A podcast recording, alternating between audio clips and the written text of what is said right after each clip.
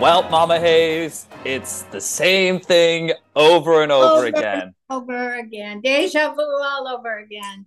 I it it just the lack energy coming out of the game, the mistakes, then kind of getting the energy back, only to then have a huge play by the other team. Uh, and now Miami drops to three and four against Conference USA in their last four games. So that's cool. I mean, I I almost think it's worse than just like before. I, I, I honestly I haven't seen them play this badly for a, a long time. It, it's it's definitely that first year of Manny Diaz against FIU where you're kind of like, what is happening right now? Um, I related to that in that game and how bad that one went. Um, that one at least was you know, Butch Davis, high emotions, and then Butch Davis's team, you know, pretty much just like going down with injury every time uh, on it. This one was just like Miami beat itself for the beginning. You know, you oh, have passes to start the game, and the first two passes are picked off by Tyler Van Dyke, who just has not looked the same since last year. I, I, he almost, I, I as I was walking the dog, I thought it almost looks like he's ill. Mm-hmm.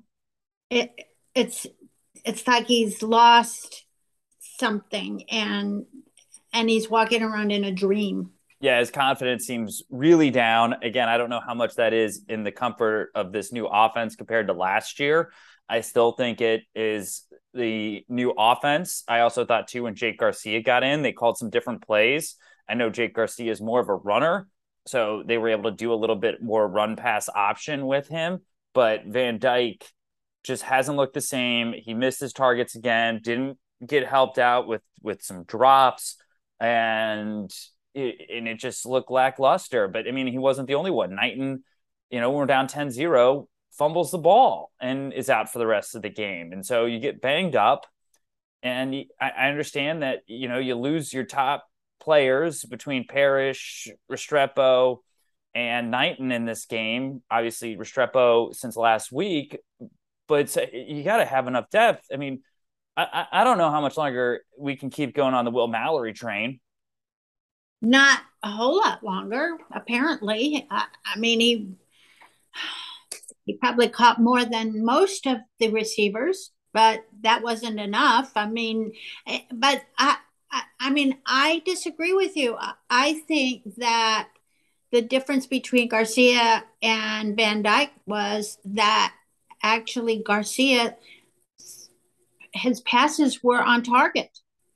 Yes. I, I mean, Van Dyke's passes, you know, uh, okay, in the last couple games, yeah, the receivers have dropped the ball, but Van Dyke's passes were not even on target.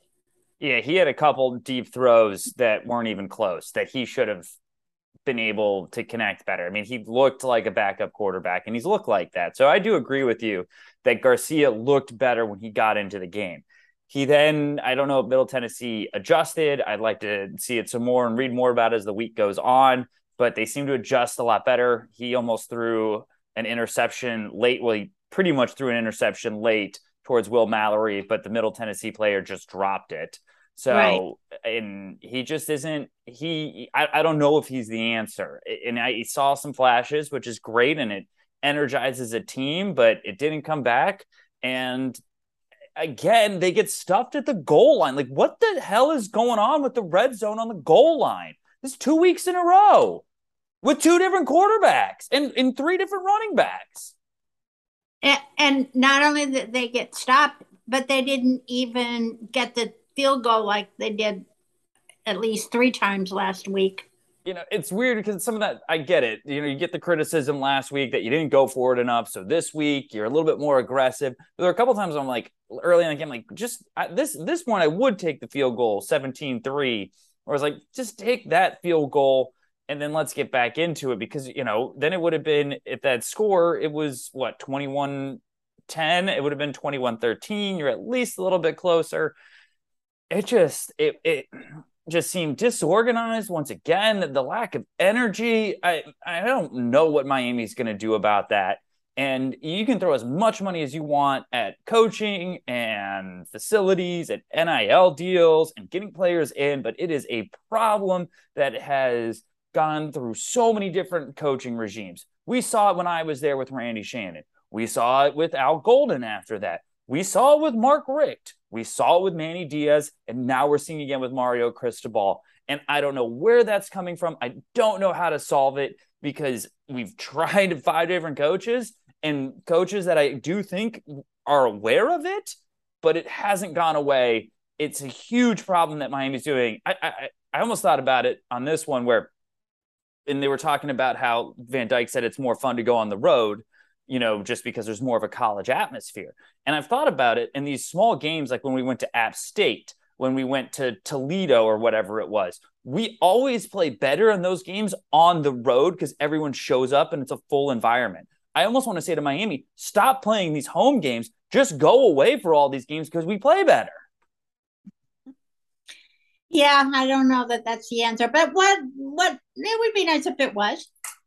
That's not the. I mean, we got to try something because this isn't the yeah. answer. We keep laying eggs. Again, we almost lost to App State this year. This is worse than Texas A&M's loss to App State. This isn't even close. We got blown out. Right and, and they look like the better team, better athletes. I know we talked about them being five year seniors, older players, so they knew the pressure, but the explosive plays. I mean, I I just don't understand why we had to go to this slow tempo again and pro style offense. It didn't work for 12 to 13 years. We put up our best offensive numbers for two years under Rhett Lashlee. and now we want to go back to this ground and pound game. And then when we try to throw the ball and come back, this team is not built right now to come back and win games because the offense doesn't play at a tempo. They slow the ball down. They take their time. They want to establish the run as Mario does. That doesn't work as much in college football, and especially when you go down three touchdowns. So, how do you really feel about this, Chris? I'm frustrated. It's just really? the same thing.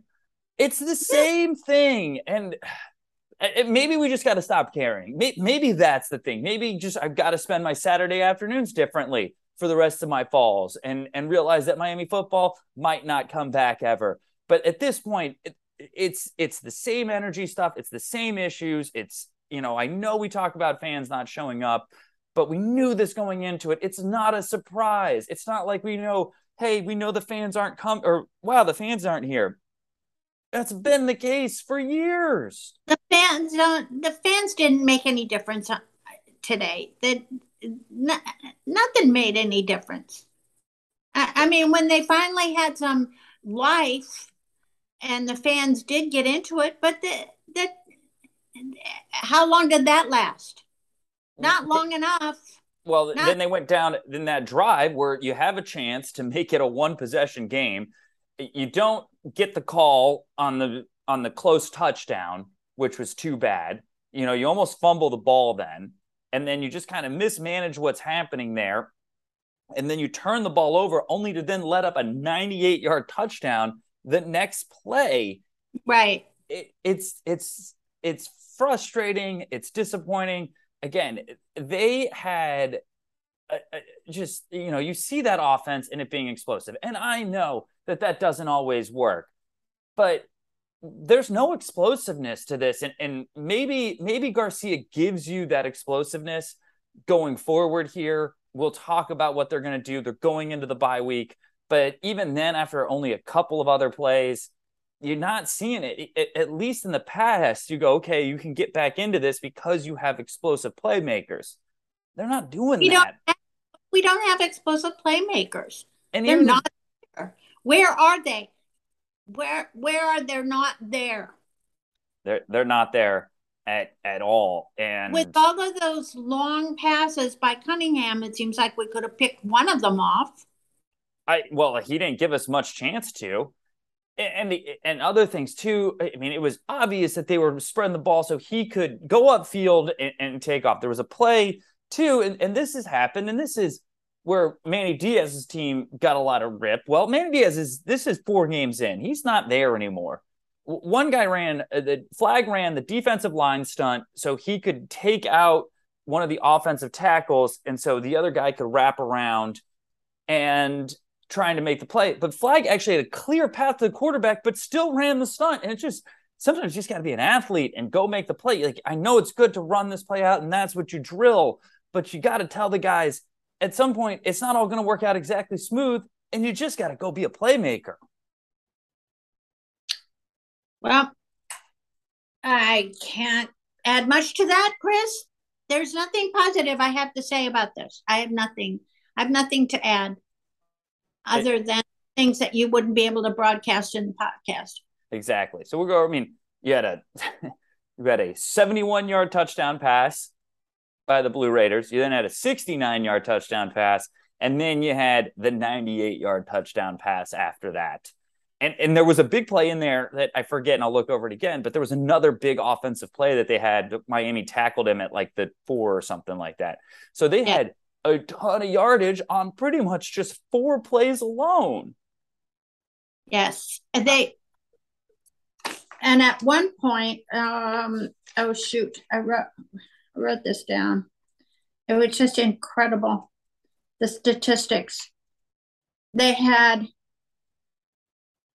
I don't know, like four four first downs and five touchdowns, something like that. Yeah. Yeah, they didn't uh, need first downs because they kept no. doing it. Yeah, it's all somewhere else on Twitter with that, but that's a good that's a good stat by you too of finding that. It, oh, I, I've written down, but I can't find it real quickly. That's okay. Really ridiculous. Uh, it's it's too bad. Uh, now, again, we're going to go into the same thing, and we're going to say the same thing we've said for years now. Good news is, is we're still 0 0 in the ACC. We still have a chance to go to the ACC title game late in this season. We I have knew- that chance. You know that I'm going to say this because yes. I live in the same reality year in and year out where we say the same stuff, hoping to hype ourselves up about it. I don't see it happening. I see there being a lot of issues with this offense for the rest of the year that aren't going to get solved with just a quarterback change. So, as I know this. As soon as I, I walked as soon as I walked uh, out of the elevator and went out of the building, the first thing I thought of was Christopher's going to say, "Oh, we still have a chance for the ACC championship game." I don't think so.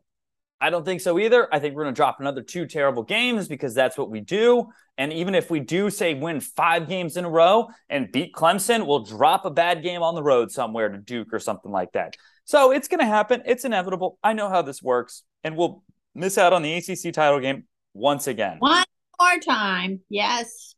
So anyway, well, I, this is longer than the usual ride home and all of that. It was as, as long as the traffic at Texas A&M last week. These these uh this chat. But mom, anything else to say before we get out of here?